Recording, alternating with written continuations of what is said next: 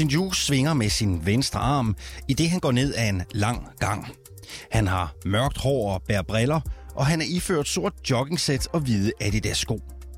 Han befinder sig på sin kostskole Sichuan High School, der ligger i den sydkinesiske Jiangxi-provins. Klokken er 17.30, og han er på vej til aftenundervisning, der begynder et kvarter senere. Men det er det sidste, som skolen ser til Husinju. Han dukker nemlig aldrig op til undervisningen. Seks timer senere får hans familie beskeden. Han er væk. Og der skal gå mere end 100 dage, før han bliver fundet.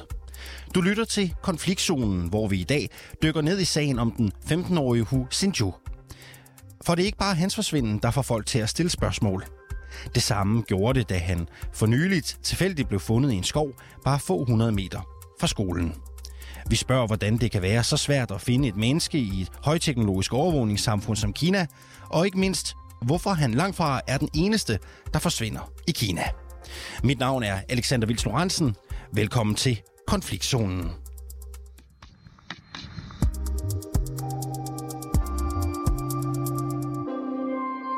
Og også velkommen til dig, Lasse Karner. Jo, tak. Du er 24-7's Asian-korrespondent. Forklar os lige først og fremmest, hvor stor opmærksomhed har der været omkring Hu Xinju-sagen i Kina? Den har fyldt øh, rigtig meget i lang tid. Det er virkelig en sag, der har grebet mange mennesker. Og det har den både på grund af det forløb, der har været, men også fordi, at den ikke står alene. Altså, der har været andre sager om forsvundne unge kinesere. Og det har skabt en masse online spekulation og rygter og debat. Og så kan man sige, at i forhold til den konkrete sag her, der er interessen så blusset op, hver gang der har været en ny udvikling eller en ny eftersøgning af en slags. Og i dag har vi så set, at der har været øh, en pressekonference i Kina her til formiddag, hvor lokal politi har været ude og stå fast, at der var tale om et selvmord. Og, øh, og det har så igen fået interessen til at eksplodere. Nu er jeg lige at kigge på Weibo, som er det her meget populære kinesiske sociale medie, hvor man typisk deler nyheder og kommentarer på, på dem og den slags. Og der fylder den her sag altså 3 ud af 5 øh, i top 10. Og det er, det er ret usædvanligt i en kinesisk kontekst. Og lidt senere, der vender vi tilbage til reaktionerne på, at han nu er fundet. Men først, så lad os lige se nærmere på, hvem han egentlig var. Så hvem var Hu Xinju? Jamen, han var den her øh, 15-årige skoleelev på en kostskole i Kina, i det sydlige Kina. Og her skal man måske lige sige, at øh, når vi snakker kostskoler i Kina, så er det egentlig ikke så usædvanligt igen, heller ikke ude i provinsen, at folk sender deres børn på kostskole. Det er typisk, hvis forældrene har, har meget arbejde, eller migrantarbejder, eller ikke har tid til at tage sig af børnene i aftentimerne. Så det er ikke, det er ikke sådan et udtryk for, at han kom fra en meget rig familie, for eksempel. Men vi ved ikke alverden om hans person, men hans mor har været ude og dele nogle informationer på sociale medier løbende. Og hun har blandt andet fortalt, at han havde nogle problemer med at falde til på skolen. Altså han følte sig øh, lidt udenfor, han følte sig øh, introvert i forhold til de andre. Og på pressemødet i dag siger politiet så også, at han havde nogle psykiske problemer. Så noget tyder altså på, at det, det er en ung mand, der ikke havde det alt for godt. Han forsvandt fra en kostskole, som sagt, i den sydlige Jiangxi-provins i oktober. Det sidste, man ser til ham, det er billeder fra et overvågningskamera på hans skole. Hvad sker der derefter? Ja, først sker der det, at familien og vennerne begynder at lede efter ham. Og da de så ikke kan finde ham, så, øh, så finder de så ud af, at han har, han har efterladt en hel del ting. Han har efterladt penge og sit identifikationskort, som alle kinesere har, og en masse andre ting. Så det begynder ligesom at blive mere og mere mystisk. Og øh, dagen efter, så kommer man så ned på politistationen og melder ham savnet. Og så starter en mere øh, reel øh, eftersøgning af ham. Først på selve skolen, hvor man kigger øh, i loftsrum og i kælder, og hvor man ellers skulle forestille sig, at han kunne have, have gemt sig henne. Og så efter det breder man det ud til lokalsamfundet, og, og så vokser det ligesom derfra. Hvordan foregår den her eftersøgning konkret? Du siger også, der begynder en større eftersøgning. Ja, det gør der. Det må sige, især i januar har, har den her sag ligesom vokset, at den har fået national opmærksomhed, og så gør man det, at man skruer op for indsatsen. Og der er også tusindvis af, af lokale i, i samfundet, beboere i, i byen, som, som hjælper og som er del af de her eftersøgninger. Og fra politiets side går man ind og bruger både altså droner og selvfølgelig hunde og også satellitbilleder og anden teknik for at se, om, om man kan finde ham på den måde.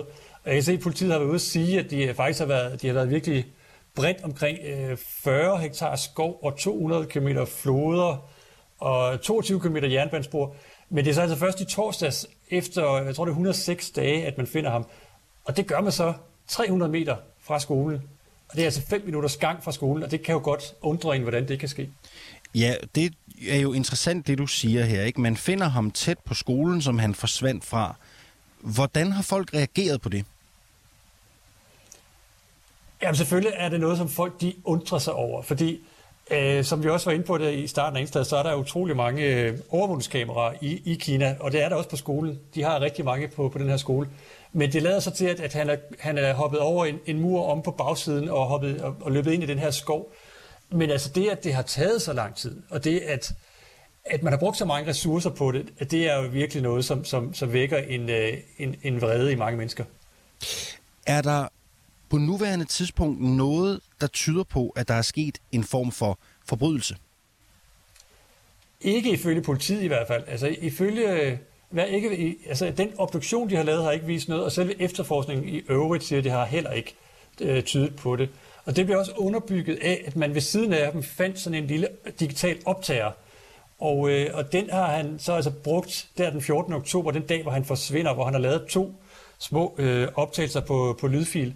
Og, øh, og, og at den fremgår det, at han faktisk tidligere på dagen også forsøgte at, at, at tage sit liv ved at hoppe ud fra, fra skolebygningen, og, og så siger han også nogle ting med, at det hele er meningsløst, og han gerne vil dø. Så, men det er så politiets udlægning. Altså, de, de læser ligesom op fra den på det her pressemøde i dag. Men, men tidligere, skal man så huske på, har der været en del spekulation om, hvad der ellers skulle ligge bag det her.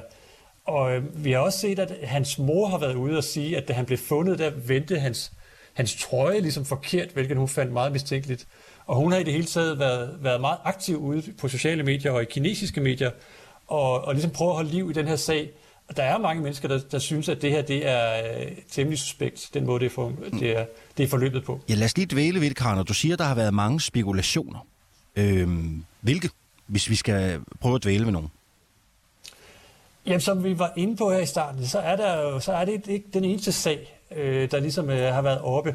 Og en af de ting, som er blevet, øh, blevet nævnt, det er, at det kunne være, at han har været udsat for, for det, man kalder organhøstning. Øh, der er kommet en ny lovgivning i Kina for nylig, som øh, har gjort det nemmere øh, at, at donere sine organer. Og, og det, som der ligesom bliver spekuleret i, det er, at øh, mange af de her unge mennesker, som er forsvundet ind fra de seneste måneder, eller jeg tror, det går et, et års tid tilbage, at, øh, at de kunne måske have været øh, ofre for, for noget i den retning. Men der har været mange andre sager, og jeg kan se, at politiet har været ude i dag og sige, at de har, de har afkræftet, jeg tror, det var 120 forskellige rygter, som de mener er, er opspændt. Er der nogen officiel forklaring på, hvorfor der skulle gå så lang tid, før Sinjo blev fundet? Nej, det er der ikke. Der er ikke nogen god forklaring på det, og politiet var også ude i dag og sige, at, at, at, at de beklager, at, at der gik så lang tid. Så de har ligesom øh, lagt sig ned og sagt, at det, øh, det er der ikke nogen god forklaring på. Det, det, det, det virker til at være, være simpelthen dårligt, dårligt politiarbejde. Og det er selvfølgelig også noget af det, der, der virkelig gør folk vrede nu her. Men jeg tror også, man skal kigge på det på den måde, at der er en generelt øh, frygt i Kina for at, at blive udsat for noget, øh, og så øh, at det bliver faret ind under gulvtæppet, eller at lokale myndigheder ikke fortæller sandheden. Altså det her forhold mellem kinesere som borgere og, og deres forhold til, til myndigheder, især på lokalt niveau, hvor de fleste kinesere ligesom kender, eller i hvert fald har hørt om sager om korruption og magtmisbrug, og det stikker forholdsvis dybt, og jeg tror også, det er det, vi har, vi har med at gøre her. Lasse Karner, tak fordi du var med. Selv tak. 24-7's korrespondent Jason, som var med øh, her til morgen fra Singapore.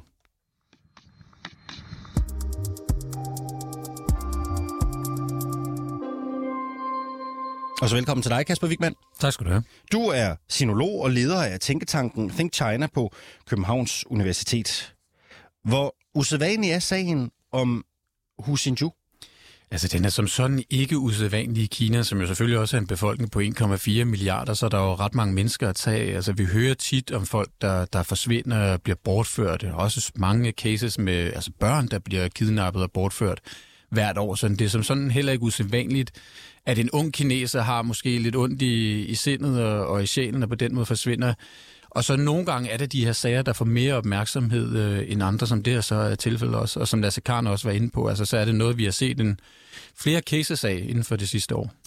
Og sagen om øh, Sinju står ikke alene. Det er både du og, og Lasse Karner jo ene på. Ifølge den kinesiske NGO Zhongming Social Assistance Institute, så forsvandt gennemsnitligt omkring 2.700 kinesere om dagen i 2020, hvor man senest lavede en optælling. Kan man sige noget om, hvad der er af forklaringer på, at folk forsvinder i det kinesiske samfund? Altså det kan der jo være rigtig mange grunde til. Noget af det, vi hører mange om, det er jo altså de her prominente mennesker, som bare bliver taget i Kommunistpartiets varetægt, som jo har deres eget sådan lidt system uden for loven. Altså det her intrapartisystem, de forsvinder, og så aner vi ikke, hvor de er. Jack Ma var også væk, øh, altså rigmanden og, og tidligere ejer af, af Alibaba, det her store tekstselskab, var også væk i lang tid, fordi han ligesom gik under jorden, fordi jeg holdt lav profil i forhold til partiet. Og helt almindelige mennesker i Kina, dem hører vi jo så bare ikke om i Vesten, fordi der skal ligesom også være nogen til at tale deres sag og sørge for, at det går viralt på en eller anden måde, så folk taler om det i det her kæmpe land, som Kina er. Altså, da du hører om den her historie om Sinju, hvad tænker du så? Altså, jeg tænker lidt, at, at det er jo et und, und, ungt menneske, øhm, som er under et kæmpe pres, fordi det er de i Kina. Vi ved også, at unge mennesker i stigende grad melder sig ud af det her rotteræs, fordi de bare kan se et liv under, altså at skulle arbejde rigtig meget og skulle knokle virkelig hårdt for at tjene penge, fordi leveomkostninger er så store, at de bare siger, ikke, og ikke mindst, at de har været under et kæmpe pres for overhovedet at komme ind på et, på et godt universitet, at de måske af den ene eller den anden grund altså får så ondt i psyken, at, at de vælger den, den sidste og, og værste tænkelige udvej. Altså det, det er meget, meget sigende for der, hvor det kinesiske samfund også er i dag, at det har pres for, for unge mennesker. I den her sag om øh, Sinju, der hører vi også, at tusinder af mennesker de påbegyndte en eftersøgning sammen med politiet. Der var stor opbakning i forhold mm. til at finde ud af, øh, hvad der var sket. Øh, og også på sociale medier har sagen været enormt omtalt. Er det typisk sådan, befolkningen reagerer, når nogen forsvinder i Kina? Altså det kommer an på, hvem det er, det er jo svært at sige helt præcis. Det kan måske være nogen, der forsker i, hvad det er for nogle sager, der ligesom får, får mere traction end andre. Fordi der er netop mange sager, som du også siger med det her. Hvad er det så lige, der gør det? Er det noget, folk relaterer til? Er det fordi, der så er en eller anden mere prominent øh, person på sociale medier, der deler det, så der er flere følgere, der bliver eksponeret for det. Men man har i Kina det, man kalder øh, den menneskelige søgemaskine eller køme, søgemaskinen og kød og blod, øh, direkte oversat, hvor folk på internettet sidder ligesom og går i værk, når de kan se, at myndighederne ikke gør deres arbejde godt nok. Det så vi også med den her linkede kvinde i, i Xuzhou øh, i Kinas Jiangsu-provins, hvor det også var internettet mere end myndighederne, der egentlig gik ind og sagde, og nu skal vi altså komme til bunds til det her. Og det er jo selvfølgelig også noget, de har fået kritik for her i salen med Hu Xin at, at myndighederne ikke har gjort deres arbejde godt nok. Og så går der også en lidt... Øh, hvad kan man sige, sådan sofa-detektiv i det for folk i sociale medier, fordi de synes, det er spændende, og så kommer der også alle de her rygter, som man også er inde på omkring øh, organhøstning osv. Ja, og lad os lige prøve at dvæle ved det, fordi på de sociale medier, der er folk begyndt at spekulere i øh, det her opsigtsvækkende med, at Sinjuyo kunne have været udsat for organhandel. Hvorfor spekuleres der i netop det? Det er også fordi, altså der er jo som regel ingen øh, røg uden øh, brand. Øhm, at, at kineserne på sociale medier godt har hørt om de her historier med organhøstning, også fra, fra fængslerne og andre steder, og folk er blevet bortført og så fået taget deres organer. Også med, med Hu Xin gik rygterne også på, at han manglede en lever, da han blev, øhm, blev fundet, øhm, fundet hængt. Og det er også derfor, politiet så i dag er ude og sige, at alle hans organer var intakt. han var mentalt syg. Der er ikke noget der for ligesom at hurtigt at lukke, at lukke den her sag ned, og de her rygter ned. Fordi unge mennesker så også måske går og frygter, at det kan være dem, der bliver bortført. Altså vi har også set altså videoovervågning af folk, der ligesom bliver taget ind i en varebil, der så kører videre. Så altså, der er måske en reel frygt for det her. Og så er der jo bare på sociale medier, at rygter kan få deres eget liv og få lov til at, at ligesom florere, til trods for, at, at det ellers er noget, som det kinesiske system slår ret hårdt ned på. Og når der spekuleres i øh, organhandel, hvor udbredt er det, når vi ser i Kina? Altså, hvor, hvor, øh, hvor legitimt er det at spekulere i det? Altså, det, er, det kommer lidt an på, hvad, hvad myndighederne slår ned på. Det er jo selvfølgelig ikke noget, man vil have folk diskutere. Hele snakken om, at folk bliver kidnappet og får, får stjålet deres øh, indre organer, det er selvfølgelig ikke noget, partiet eller myndighederne interesseret i skal finde sted. Og heller ikke i, i udlandet, der hører man jo også, at, at, at borgerrettighedskæmper og folk, der bliver sat i fængsel, også får høstet deres organer. Men det ved vi så desværre bare, at, at noget, der stadigvæk finder sted. Men altså, man vil jo gerne også, som Lasse Karn er inde på, have folk til at melde sig frivilligt til, til organdonation også. Men det, det er nok stadigvæk et problem. Mm. Men det er også derfor, man ved diskussion vil man gerne have, have til livs også. Men på nettet er det bare svært at skulle censurere alt. Når man zoomer ned i den her øh, Sinju-sag, øh, så bliver det jo også nærliggende at spørge, om myndighederne gør deres arbejde godt nok. Det har de jo så ikke gjort i det her tilfælde, kan man sige, fordi han var væk i 106 dage, og man har jo let det sted, hvor han så senere blev fundet, og der er politiet så også været ude og sige, at der, der gjorde vi ikke arbejdet godt nok. Og det tror jeg, at de fleste, der har rejst i Kina, det ved kineserne bedre end nogen anden, at de lokale myndigheder og sikkerhedsbureauer ikke nødvendigvis er, er lige aktive og entusiastiske omkring at opklare sager. Altså, så det er jo også en grad af, af menneskelighed, hvor man siger sådan, det gider vi ikke at gå for meget op i. Det andre ting, der er vigtige. Jeg skal også fremme min egen karriere. Så derfor er det nogle gange enormt ineffektivt, det her kinesiske apparat. Øh, der er som sagt mange teorier. 120 øh, nævnte Karner, da vi talte med ham for mm. et øjeblik øh, siden, og organhandel, det er altså bare en af flere, der spreder sig. Øh, af ren nysgerrighed, prøv lige at forklare, hvor stor grobund skaber de mange øh, forsvindinger, øh, 2.700 om dagen i 2020, øh, hvor stor grobund skaber de for konspirationsteorier? Jamen, de skaber jo meget, og det, og det vil der altid være i, i et samfund som Kina lige nu, som er så ugennemsigtig, og hvor tilliden til hinanden er så lav. Og det er, det er selvfølgelig også noget, som partiet prøver ligesom i imødekomme, men partiet er jo selv også ugennemsigtig og lukket. Så er det, så er det, man går ind med censurapparatet og prøver at få styr på de her konspirationsteorier, og har de her lovgivninger på sociale medier om, at de ikke skal sprede usandheder og, og falske rygter. Men det gør folk jo så alligevel, fordi folk er nødt til at prøve at finde en eller anden forklaring på, men hvorfor sker det her? Altså, hvorfor forsvandt den her unge mand? Altså, også fordi man ikke i tilstrækkelig grad i, i Kina taler om mental helbred i lige så høj grad, så finder man jo på en anden altså mulighed. Altså, hvordan kan sådan et ungt menneske, der havde fremtiden foran sig, lige pludselig altså tage sit eget liv? Så, nej, der må ligge noget andet bag. Det må være kidnapning eller bortførsel.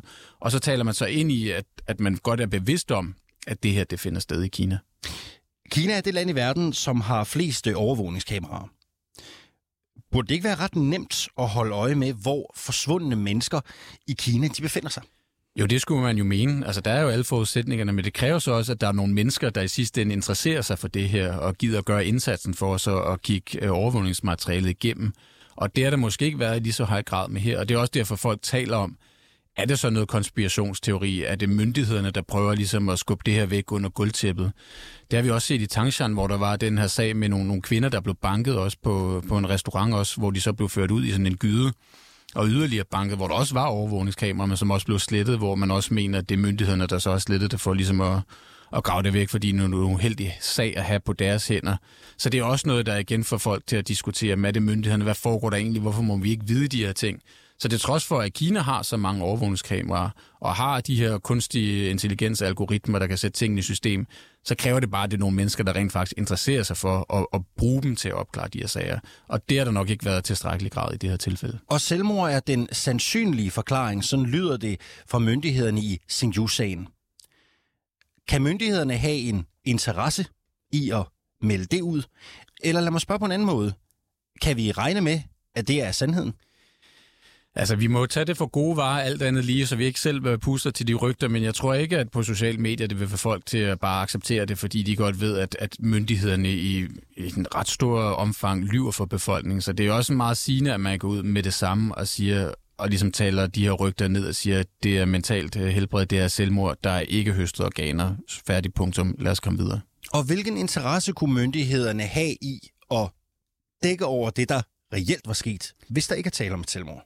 Altså, jeg tror vi igen også for at tale rygterne ned, fordi mm. hvis de sagde, at han manglede faktisk en lever, så ville folk bare gå endnu mere i panik, og så ville man sige, hvorfor fanden har I så, altså hvad gør I så for at komme det her til livs? Og så er der en eller anden lokal øh, politibetjent, der lige pludselig, eller en politimester, der lige pludselig har en større sag på hånden.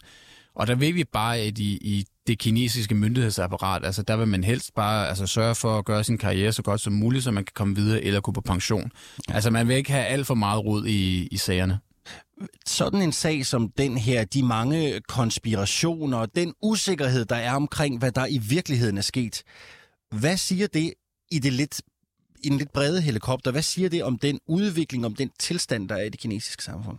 Jamen, det siger om til trods for, at Kina i, i ret bred omfang, især i, i de østlige byer, er et højteknologisk samfund, et meget, meget veludviklet samfund, men så mangler man stadigvæk den her grad af, af tillid og gennemsigtighed i systemet. Og det er noget, partiet og myndighederne prøver med nogle initiativer for at få styr på, men grundlæggende er der stadigvæk i Kina, man mere har tillid til sin allernærmeste familie, måske lige på sådan en compound-niveau. Men der er bare så stor mistro til os, til myndighederne med, at sådan, I kan ikke løfte den her opgave. Det er også derfor, vi ser sociale medier og, og netbrugere ligesom gå ind og sige, vi ved, I sylter bare den her sag, så nu tager vi sagen i egen hånd. Og det får nogle gange konsekvenser også for netbrugere, de får lukket deres konti eller kommer til en kammeratlig samtale. Hvad betyder det for det øh, politiske system i Kina, at så mange mennesker forsvinder hvert år? Altså, man er jo selvfølgelig bevidst om det. Man kan sige, at lige nu har, har partiet og myndighederne nogle, nogle andre udfordringer, man, man skal til livs. Men man skal også sende signal til borgerne om, at vi ligesom er på jeres side og tjener jeres interesser. Så der er måske nogle lokale politimænd, der også, når, når den her sag så udvikler sig, hvis det viser sig, at, at der er organhøstning, så, som så kan risikere at, at miste deres karriere på en eller anden måde. Det er også derfor, man sådan lidt dækker over det, for man vil ikke have alt for mange møgssager. Og hvad gør det kinesiske system for at etablere den form for tillid, som alligevel er nødvendig for dem? Jamen, så er det måske noget med det her sådan, social credit scoring system, der gør, at der, at der er konsekvenser også, at man kan se, at det er egentlig myndighederne, der tjener vores sag. Man bruger overvågning. Man kan begynde at få tillid til, at politiet rent faktisk gør deres arbejde, og ikke bare tjener deres egen interesse, også med korruption og alle de her ting. Men jeg vil sige, at der er stadigvæk lang vej endnu for, for Kina. Kasper Wigman, tak fordi du havde lyst til at være med. Du er som sagt sinolog, og så leder du også den tænketank, der hedder Think China på Københavns Universitet. Selv tak.